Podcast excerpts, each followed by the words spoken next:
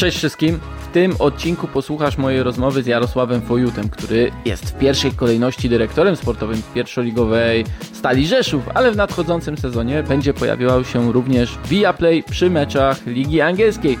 Porozmawiam więc z nim właśnie o Premier League, tym czego wyczekuje, jak ją wspomina ze swojego epizodu w Boltonie, no ale nie zabraknie również wstawki o polskiej myśli szkoleniowej. To podcast zachodny do tablicy, który możecie znaleźć na platformach Spotify, YouTube oraz Google, a mnie możecie oglądać tydzień w tydzień w Viaplay. Korzystając z okazji, chciałbym Wam przedstawić również to, co jako redakcja Viaplay e, dla Was przygotowujemy na ten sezon Premier League. E, oczywiście, że każdy mecz jest opakowany komentarzem, a każda kolejka studiami. E, zresztą już w pierwszej zaczniemy w piątek przed meczem Crystal Palace Arsenal. W sobotę jesteśmy z Wami już od 12.30 do samego wieczora. W niedzielę pracujemy także przy wszystkich trzech meczach. Wreszcie w poniedziałek, po całej kolejce, zapraszamy Was na magazyn od 19.30. Nie skupimy się wyłącznie na skrótach, choć oczywiście wszystkie gole z weekendu na pewno zobaczycie i postaramy się, by był to bardziej magazyn pełen merytorycznej dyskusji, konkretnych analiz i wszystko, co z Premier League w zasadzie związane. E, będziemy nadawać dla Was z miejsc najważniejszych zdarzeń, jak choćby w pierwszej kolejce, gdzie nasza ekipa będzie na Selhurst Park, na Craven Cottage i na Stadionie Olimpijskim. Wszystko oczywiście w Londynie. W skład tej wyprawy wchodzi również Jarosław Fojut, a więc były piłkarz innymi Boltonu, w którym Premier League zadebiutował. I do tego debiutu chciałbym wrócić. Było to już jakiś czas temu.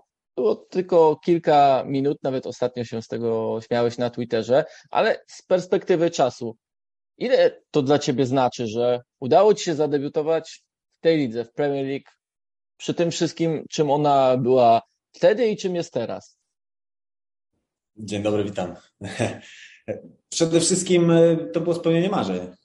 Cel, który sobie osiągnąłem za, za dzieciaka tak naprawdę, kiedy my wszyscy gramy i marzymy o wielkim, o wielkim futbolu. Ja zawsze marzyłem, wręcz nawet śniło mi się to, jak jestem, jak jestem w Anglii. Ta pogoda, e, w sumie wszystko, co się wydarzyło, jakieś tam przebłyski mi się śniły, więc e, wyda, wyda, wydaje mi się, że e, na ten moment, kiedy zrobiłem ten debiut, kiedy udało mi się, to spełniłem swoje, swoje marzenia. Szkoda, że i teraz wracając do tego z perspektywy czasu, szkoda, że nie miałem po prostu większych marzeń.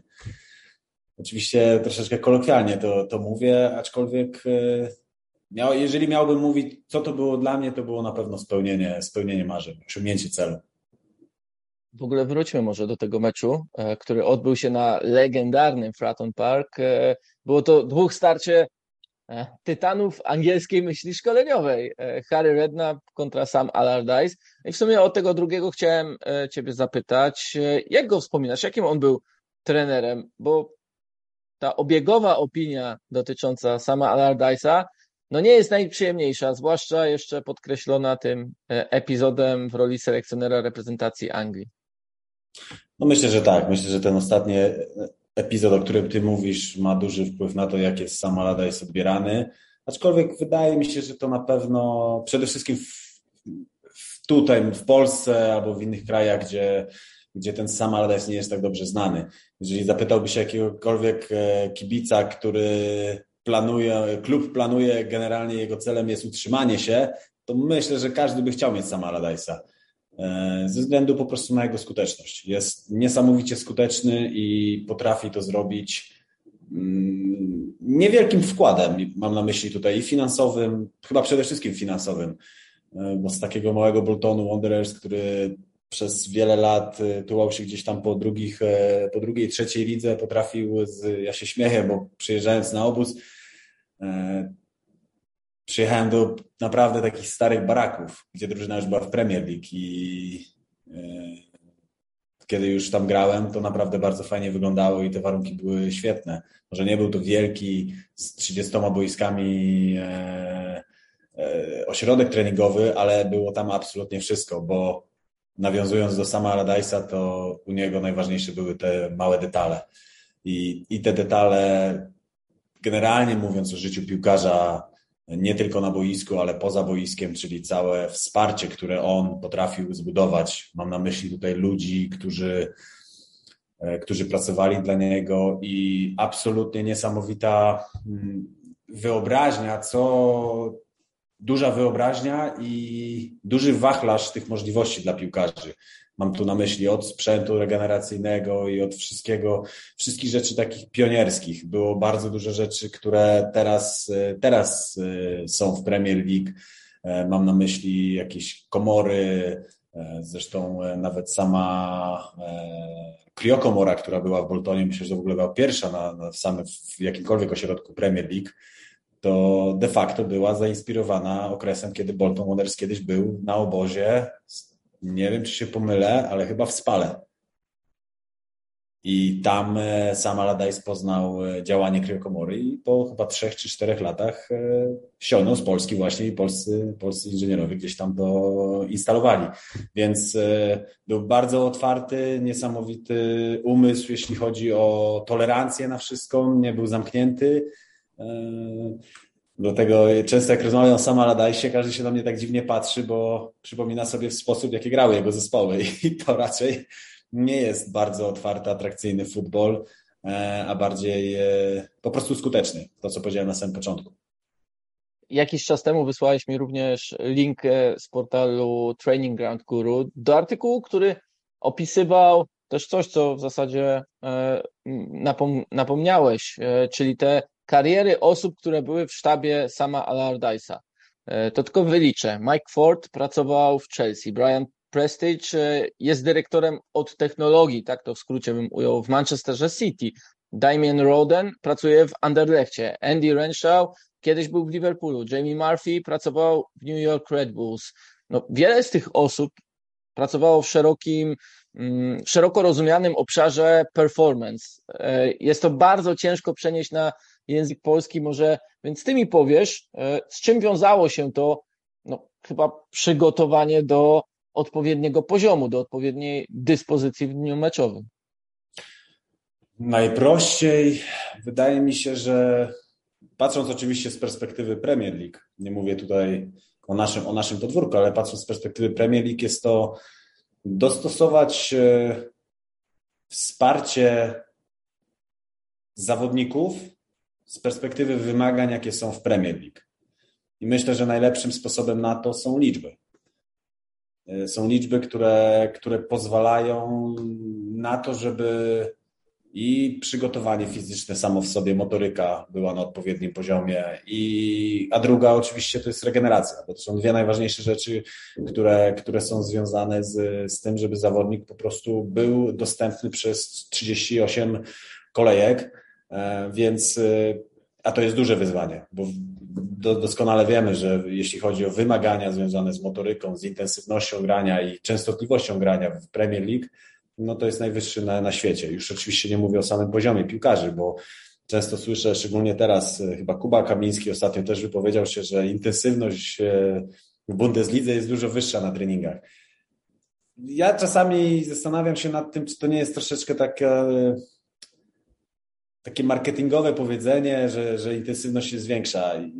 nie zgadzam się do końca z tym, bo ja patrząc teraz na polską, polską ekstraklasę, czy, czy nawet na treningi gdziekolwiek indziej, ta intensywność jest, jest wysoka, tylko tutaj my rozmawiamy o jakości przede wszystkim. Bo ta intensywność, patrząc z perspektywy piłkarzy, yy, to jest przede wszystkim czas, który ma na podjęcie decyzji a to już jest przede wszystkim związane z, z jakością, a jakość jest na wielu płaszczyznach i taktyczna, i techniczna, e, szybkość myślenia, więc e, w Premier League myślę, że to jest na najwyższym poziomie, dlatego ona tak wygląda dynamicznie. Oczywiście są zawodnicy po prostu, którzy już naturalnie mają niesamowite predyspozycje i tylko tacy sobie tam poradzą. E, aczkolwiek ta intensywność jest e, według mnie w głównej mierze spowodowana tym, że jakość zawodników jest bardzo, bardzo wysoka. To jeszcze wróćmy może do tego styczniowego, bo mroźnego dnia e, w Portsmouth. Czy ciebie ogółem już, jak obserwowałeś Premier League od środka, poziom taktyczny zaskoczył w porównaniu do tego, co znałeś z kraju, a może czym konkretnie? Czy jakimś przywiązaniem do detali, Wiemy, że to no, w tym okresie 16 lat. Tak dawno to było, jednak trzeba przypomnieć. E, trochę się też zmieniło, bo jest Klopp, jest Guardiola, e, jest Thomas Tuchel. Wówczas takim e, powiewem świeżości z kontynentu był, nie da się ukryć, Jose Mourinho, który wchodził z buta wraz z Chelsea. No ale może ty też, obserwując to wszystko mm, od środka, masz jakieś takie przemyślenia, powiedziałbym, no bardziej właśnie taktyczne. Wiesz co, myślę, że patrząc z perspektywy, oczywiście mogę tylko powiedzieć to Boltonu i, i sama Allardyce'a, ta taktyka była zawsze stricte związana z liczbami. Byli ludzie, o których zresztą sam wspomniałeś na samym, samym początku, to nie byli dyrektorzy, to byli ludzie, którzy stali, siedzieli przed y, telewizorem, tam mieli kasetę VHS, podłączono ten cały aparat, nie wiem jak to nawet teraz nazwać, bo to nawet nie był magnetowi, tylko coś takiego wielkiego, które łączyło jakieś kablami z komputerem. On tam po prostu siedział przez 2-3 godziny i wklepywał każdą akcję. I nawet no po prostu przykład dam też, w jaki sposób to działało. I grając z FC Sevillą na. To był jakiś przedsezonowy mecz, gdzie zagrałem na pozycji defensywnego pomocnika. Tam miałem były stałe fragmenty gry i sama Adams, sama Adams podszedł do mnie i powiedział, słuchaj, tu masz stać. A to naprawdę była dziwna pozycja, dla mnie przynajmniej, jako środkowego obrońcy, gdzie ma stać defensywny. Ja mówię, że nie, że chyba, chyba nie tutaj. On mówi, słuchaj, tu masz stać, bo tu na przykład 60 ileś tam procent piłek, kiedy drużyny grają na nas, spada. I tu masz stać. I faktycznie naprawdę w większości piłek, gdzie nasi obrońcy zbijali, one, one właśnie wpadały w to miejsce. Więc jeśli miałbym ci powiedzieć e, o taktyce sama Allardyce'a w tamtym, w ogóle w, ogóle w Premier League w tamtych, w tamtych latach, to oczywiście był Mourinho, który no, miał niesamowitą jakość przede wszystkim tych zawodników. E, Manchester United, ale chyba takim najbardziej wiodącym aspektem tej gry to była determinacja.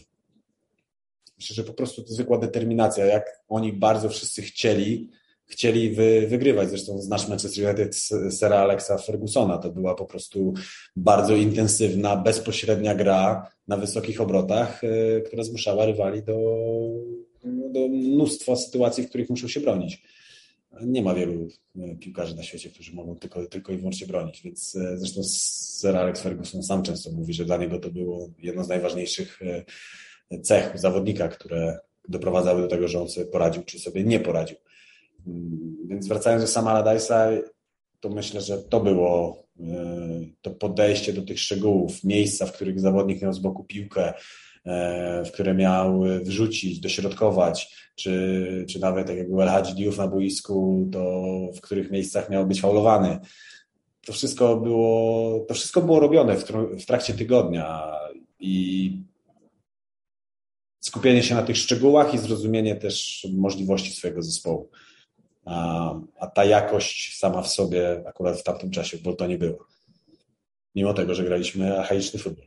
Bardzo archaiczny. Bardzo bezpośredni, bym tak powiedział, i skuteczny. To jeszcze nawiązując do Premier League ogólnie i obserwując jej rozwój od tego momentu, kiedy byłeś częścią tej ligi, do dziś, kiedy będziesz ekspertem.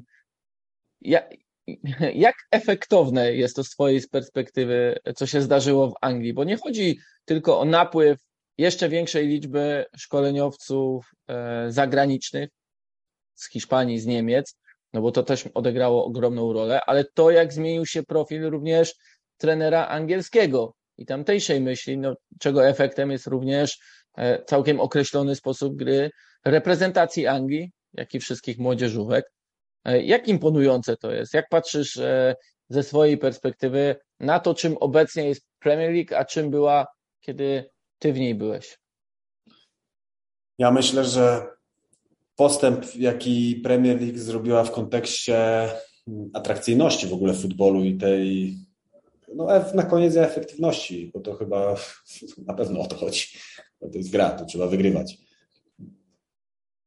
Sam, samo, sam ten rok, w którym zresztą ja przyszedłem, 2004, kiedy parę krajów weszło do Unii Europejskiej, następnie w ogóle Wielka Brytania zaczęła się otwierać na tych trenerów. Zresztą teraz stan nawet e, trenerów e, w Premier League, ilu mamy zagranicznych tych trenerów, ma ogromny wpływ na to, w jaki sposób federacja przede wszystkim, bo tutaj myślę, że to jest najważniejsze, że federacja angielska zrobiła absolutną ewolucję tu, tu w angielskiej piłce i to się już za, zaczęło wiele, wiele lat temu. Ja pamiętam, jak ja odchodziłem, to już było, były wielkie narzekania na, na to, że na to, że ta piłka nie jest taka, jaką, e, w którym kierunku świat idzie. I przyjście Papa Guardioli, zresztą wiemy, jaki, jakim on jest wizjonerem, ale ja też uważam, że on nie jest tylko wizjonerem, ale on jest y, skutecznym. Inaczej, on jest wzorem do naśladowania, ale nie tylko przez trenerów, ale właśnie przez federację. Wiemy doskonale, jaki on też miał wpływ na, na Bundesligę, na, na grę reprezentacji Niemiec. Więc to wszystko się splotło i, i Federacja Angielska to, to, co uważam za niesamowite, to nie jest tylko praca trenerów, to nie jest tylko zmiana profilu trenera, to jest zmiana wszystkich tych podmiotów, które mają wpływ na to, w jaki sposób angielska piłka wygląda.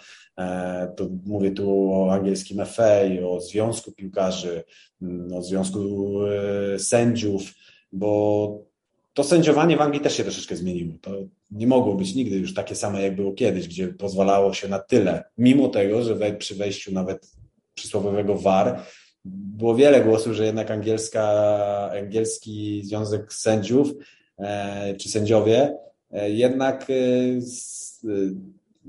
nie idą w tym samym kierunku, co inne, inni sędziowie, jednak tam wiele było takich kontrowersji, gdzie gdzie sytuacje nie były sprawdzane. Do, czego nawiązuje?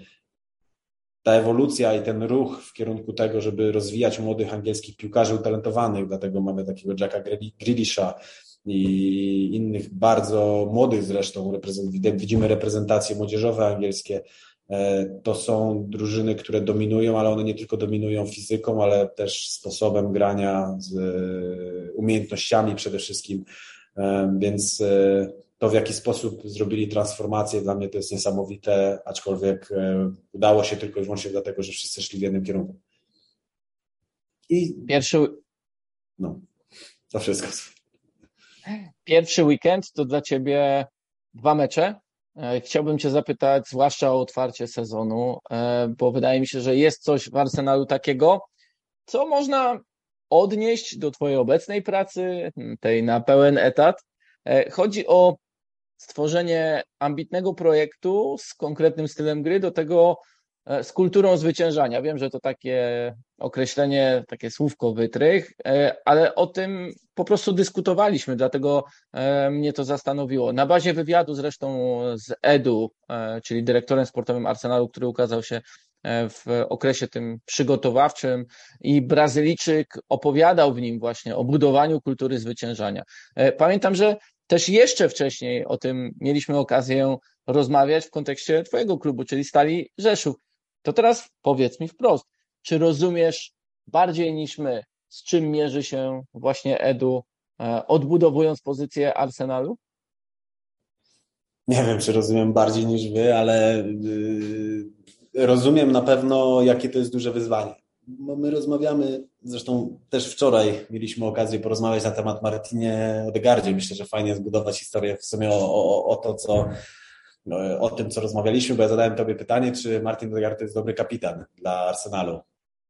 I oglądałem dwa wywiady. Jeden z Martinem Odegardem, a drugi z Philem Fodenem i sposób, w jaki oni się w ogóle wypowiadali. Mamy z jednej strony Martina Odegarda, który jego celem i mówi, że to jest top 4, że to będzie trudne, że to będzie ciężki okres, że, że muszą się skupić na tym, że to, że zobaczymy jak będzie, a z drugiej strony masz Phila Foudena, który mówi, że nie ma czegoś takiego jak porażka, tam jest tylko zwycięstwo, jest e, dużo rozmowy o tej mentalności, Oczywiście, to są kluby w ogóle w dwóch zupełnie innych miejscach, ale do tego, do czego nawiązuję e, i do tych słów Edu, mm, to, to jest bardzo trudne przejść tą małą granicę tego, że jesteś zespołem e, z tym tak zwanym winning mentality. Myślę, że Roy Keane jest najlepszym przykładem, e, kiedy on się wypowiada w ogóle na temat Manchesteru United, w jaki sposób on patrzy na piłkę nożną i czego jego, jemu i czego mu brakuje w Manchesterze United od wielu, wielu lat. E, I to jest, to jest właśnie to, kiedy wychodzisz na mecz i nie interesuje cię tylko, interesuje cię tylko zwycięstwo. Ja wiem, że to jest w pewien sensie frazes, ale to się da wyczytać, to się da zobaczyć w samym e, mowie ciała, można zobaczyć to po właśnie po wywiadach, po tym, w jaki sposób zawodnicy się wypowiadają, a Edu to jest tylko potwierdzeniem tego, e, że tacy liderzy jak on, jak nie jestem pewny co do Martina Odegarda, aczkolwiek jeśli chodzi o jego umiejętności piłkarskie, uważam, że to, to jest po Kevinie De Bruyne chyba drugi, drugi środkowy pomocnik z takimi walorami, podobnymi e, w Premier League. E, aczkolwiek e, nie wiem, czy to jest tego typu lider, który jest w stanie w trudnych momentach, kryzysowych momentach, momentach, kiedy trzeba zrobić krok dalej, trzeba zabrać ze sobą wszystkich ludzi. On jest tego takim, takim przywódcą, no aczkolwiek to dopiero się dowie, dowiemy tak naprawdę, bo czy on, czy on będzie w stanie to, będzie w stanie to zrobić. Myślę, że to jest to jest proces i ten proces, ten proces trwa, żeby doprowadzić zespół do takiego myślenia. Arsenal ma w przeszłości, to w całkiem niedawnej, czy sezon słynny bez, e, bez straty, bez porażki, e, więc oni mają to gdzieś w DNA, tylko to po prostu tam gdzieś trzeba, trzeba, od, e, trzeba gdzieś odkopać. A myślę, że jedynym sposobem na to, to są po prostu ludzie na ludziach można to stworzyć. E, Arsenal w swoim, e, w swoim składzie swego czasu, kiedy e, cały czas walczyli o, z Manchesterem United o, o pierwsze miejsce, o Mistrzostwo Anglii, miało bardzo dużo takich liderów. Co do Arsenalu jest jeszcze druga, druga rzecz, gdzie oni tak naprawdę, jeżeli chcą, jeżeli chcą walczyć o ten top 4, to już nie wystarczy po prostu grać no dobra, jesteśmy tak mocni, że sobie po prostu damy radę. Ten poziom Premier League poszedł tak do góry, jest tyle klubów, które chcą naprawdę realnie walczyć o te top 4, że te top 4 kiedyś, jeżeli grałeś na takim poziomie i zdobywałeś tyle punktów, to mogłeś być nawet mistrzem. Teraz trzeba naprawdę zrobić dużo, dużo więcej niż to, co się kiedyś zrobiło, więc Arsenal czeka, jeżeli chcą realnie walczyć i wrócić do tych e, sukcesów e, przeszłości, to na pewno muszą zrobić ten krok w kontekście tej mentalności, tego. E, nie, nie chciałem powiedzieć, że chęci zwyciężania, no bo to każdy piłkarz ma to, że chce wygrać, e, ale przejścia właśnie na ten, ten mindset taki, taki zwyciężania tych, tych e, wojowników, którzy oczywiście Arsenal gra fajną piłkę i mają fajne fajne podstawy do tego i fundamenty, y, aczkolwiek ten klub musi zrobić z klubu, który rozwija, bo był, jest znany z tego, w klub, który po prostu zwycięży, jeżeli chcą wejść do tego top 4 i myślę, że to jest ich, e, ich droga. A co do trudności, uważam, że to jest bardzo trudne. To nie jest łatwe. I, i trudne i długo, długotrwałe. Więc cierpliwość to na pewno, na pewno się przyda w Arsenalu. Zresztą i Liverpool, i i Manchester United swego czasu z Fergusonem, zresztą Arsenal też to przeżył, e, Manchester City. E, to przeważnie się dzieje wtedy, kiedy to są bardzo długoterminowe projekty.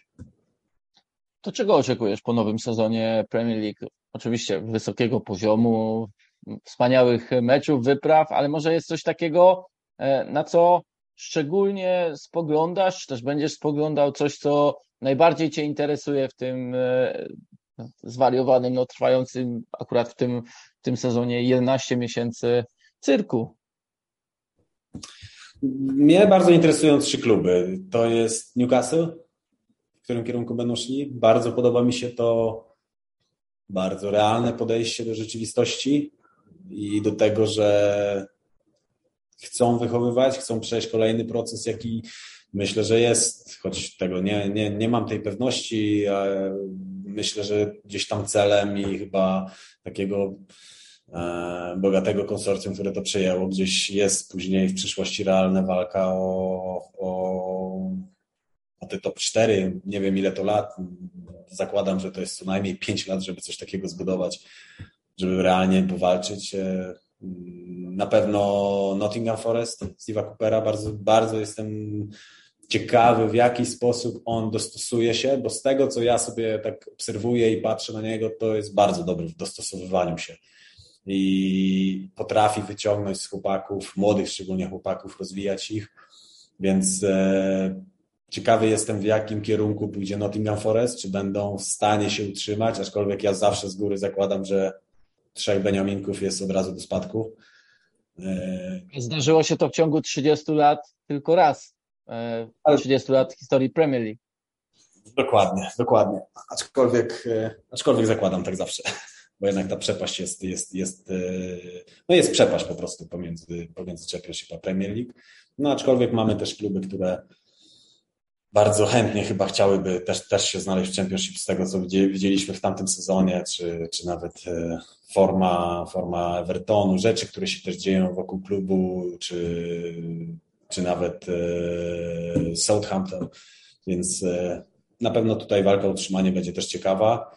E, a trzecim klubem, który jestem ciekawy, to jest Brighton oczywiście. To już bardziej związane z naszymi polskimi młodymi chłopakami, którzy tam są i ciekawe, czy Kacper e, będzie mógł realnie powalczyć o to, żeby, żeby dostać tam minuty. Oczywiście Kuba ma na razie problem, e, który musi sobie gdzieś tam poradzić, więc, więc jedyne co im życzę z mojej perspektywy, myślę, że Kasper jest, że nie w podobnej sytuacji, ale status piłkarza może mieć nawet trochę niższy niż ja kiedyś, aczkolwiek e, ja tylko i wyłącznie życzę cierpliwości, bo dostać się na ten poziom jest bardzo, bardzo trudno, a stamtąd zejść można bardzo łatwo i do bardzo fajnych, atrakcyjnych miejsc.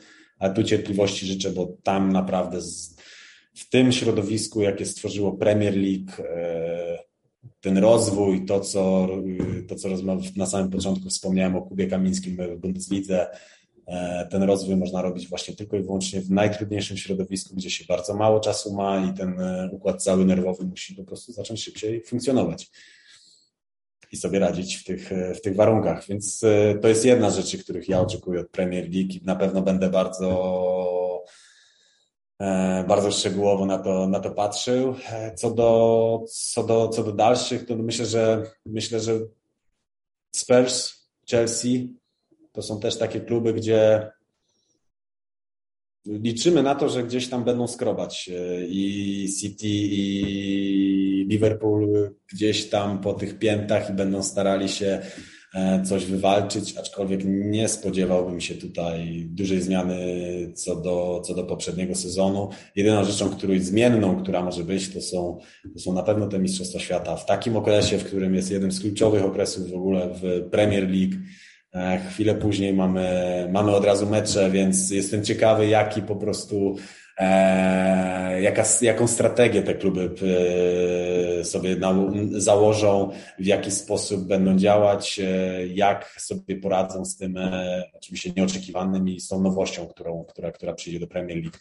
Mm, myślę, że Conte i, i Spurs to jest dla mnie taki czarny, czarny koń tych, e, tego Premier League, że naprawdę sposób w jaki i, i wzmocnienia i przede wszystkim sposób w jaki my też mogliśmy sobie obserwować z boku, aczkolwiek zakładam to, że to mógł być tylko i wyłącznie marketingowy zabieg. E, myślę, że bardzo mocno się szykują do takiego momentu, w którym po prostu będą musieli na tym meczu gdzieś tam na meczach będą e, przechodzili przez ten okres kryzysu, który myślę, że Conte im sprawił co trening na, podczas tych przygotowań.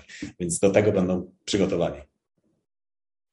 Na koniec e, troszkę też e, prywaty z mojej strony, e, bo zaczęliśmy od angielskiej myśli szkoleniowej. To czas może na polską, nawiązując do wydanej ostatnio książki i całego marketingu z tym związanego. Zastanawiam się, jak ująć to wszystko. Wiem, że dopiero czekasz na, na książkę, na swój egzemplarz, i chciałem Cię zapytać, mm, czym dla Ciebie jest polska myśl szkoleniowa, z czym się wiąże i co zrobić, by przeszła taką ewolucję, o jakiej mówiłeś e, w kontekście Anglii? Wiesz co, nie chcę wchodzić w szczegóły, bo to jest temat, zresztą często sobie siedzimy i rozmawiamy na ten temat, znaczy za każdym razem jak siedzimy, mówię nie często, ale za każdym razem jak siedzimy, to rozmawiamy na ten temat. E, ja pójdę w prostotę. Myślę, że jeden kierunek. Jeden kierunek i każdy, każdy idzie w tym samym kierunku. I mam na myśli tutaj e, oczywiście cały szereg podmiotów i związków, czy, czy to jest związek piłkarzy, czy to jest związek sędziów, e, trener, trenerzy, e, kibice, rząd, naprawdę musieli być w jednym kierunku, żeby. Ja nie mówię, żeby coś wielkiego stworzyć, bo tu nie chodzi o to, ale przede wszystkim znaleźć naszą tożsamość. Bo miałem okazję troszeczkę przeczytać tej Twojej książki i, i tam są naprawdę, patrząc na historię naszą, przykłady, w których, jeżeli my się skupiliśmy na naszych, naszych e, cechach, które my mamy jako kraj, z tego naprawdę można coś wielkiego stworzyć. I jeżeli my będziemy konsekwentni w tym i cierpliwi i będziemy szli w jednym kierunku, to jest, e, to jest na pewno dobry początek. A myślę, że mamy na tyle inteligentnych ludzi, i, którzy potrafią łączyć kropki, którzy potrafią e, zidentyfikować to, co może być naszym, naszą mocną stroną, tym, co możemy się e, identyfikować jako naród, kraj, że można stworzyć naprawdę fajne plany. I tego myślę, że nam wszystkim e, życzę i cieszę się, że też ty mogłeś i miałeś na tyle chęci, czasu, żeby odkopać tą całą naszą, e, naszą historię aczkolwiek myślę, że ze względu na i wojnę, która, którą mieliśmy, wiele materiałów, wiele informacji jednak nie było dostępnych, ale, ale czekam aż, aż dokończę to i na pewno będę mógł trochę, trochę więcej powiedzieć. Tyle jeśli chodzi o Jarka. Sami mogliście się już przekonać, że myśli on o futbolu w sposób, który na pewno w naszych studiach i transmisjach z Premier League przełoży się na fajną, merytoryczną dyskusję, mogę Was zaprosić raz jeszcze do wszystkich naszych transmisji, programów, a ten podcast możecie oceniać, subskrybować, lajkować i podawać dalej. Za wszystko będę bardzo Wam wdzięczny. Niezmiennie książka mojego autorstwa Polska Myśl Szkoleniowa, wydawnictwo SQN jest dostępna w księgarni internetowej La Botiga. Polecam bardzo serdecznie i do usłyszenia.